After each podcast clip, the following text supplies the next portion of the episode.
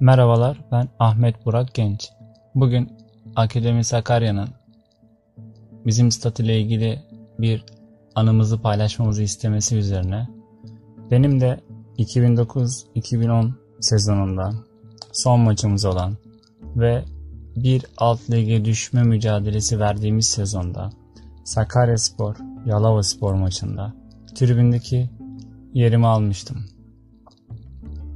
Biraz hüzün, biraz stres, hatta biraz kavramını arttırabilirim de.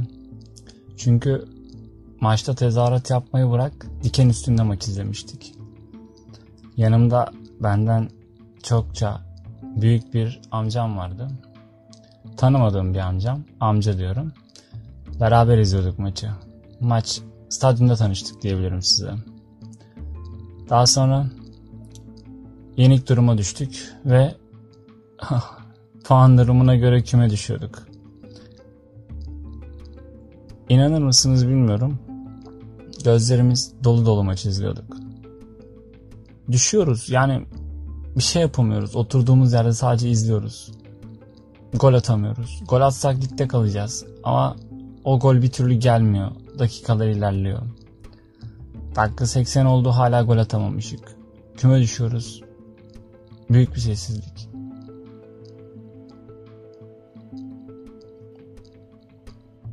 Dakika 85'e geldiğinde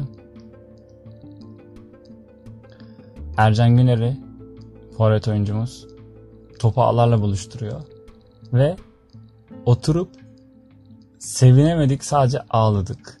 Sadece ağladık. Yani bu mükemmel bir duygu. Hüznün ve sevincin birleşmesiyle oluşan bir duygu.